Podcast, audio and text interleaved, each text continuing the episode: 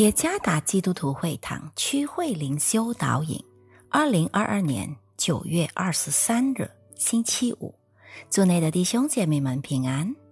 今天的灵修导引，我们将会借着圣经耶利米书第一章第四到第十节来思想今天的主题：呼召的蓝图。作者彭卫国牧师。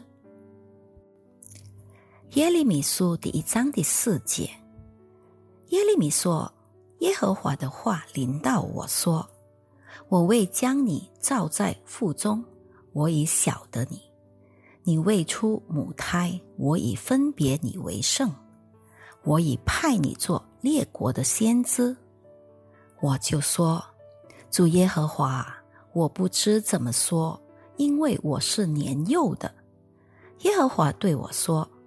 你不要说我是年幼的，因为我差遣你到谁那里去，你都要去；我吩咐你说什么话，你都要说。你不要惧怕他们，因为我与你同在，要拯救你。这是耶和华说的。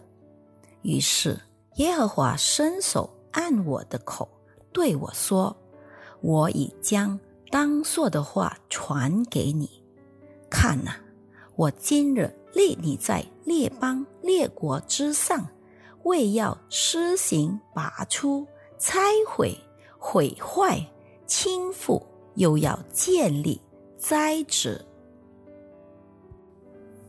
我们经常在商业世界中听到“蓝图”或 “blueprint” 这个词。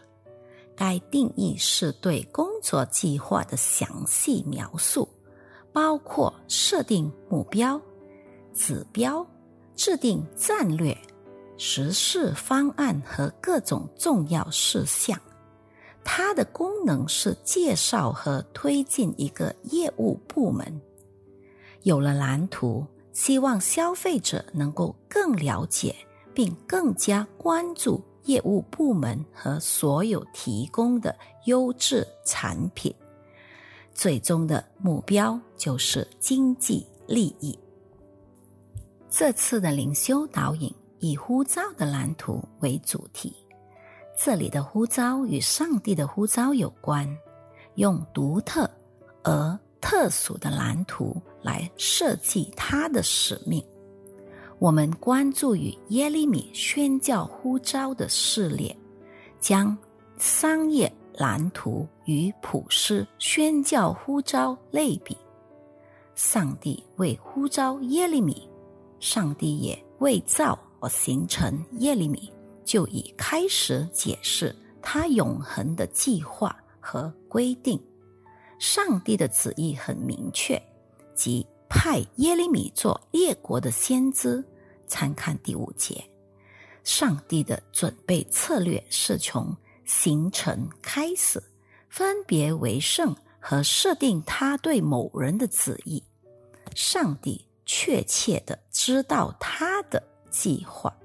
上帝将准备的人，不管是某人自认为软弱或者准备不足。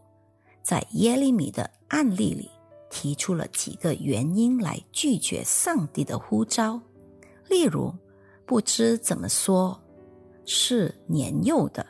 参看第六节。倘若如此，那上帝的蓝图就会失败吗？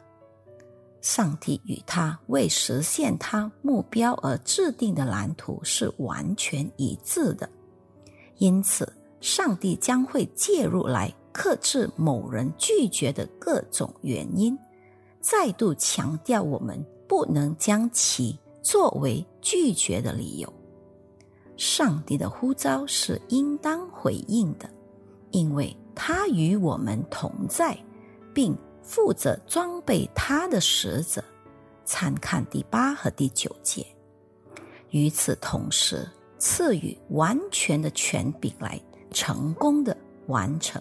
呼召的任务，参看第十节。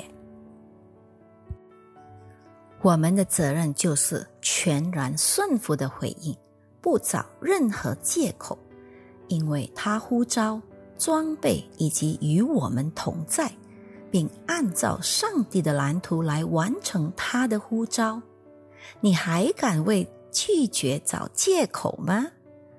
上帝与他的蓝图是完全一致的，以便实现他呼召的目的。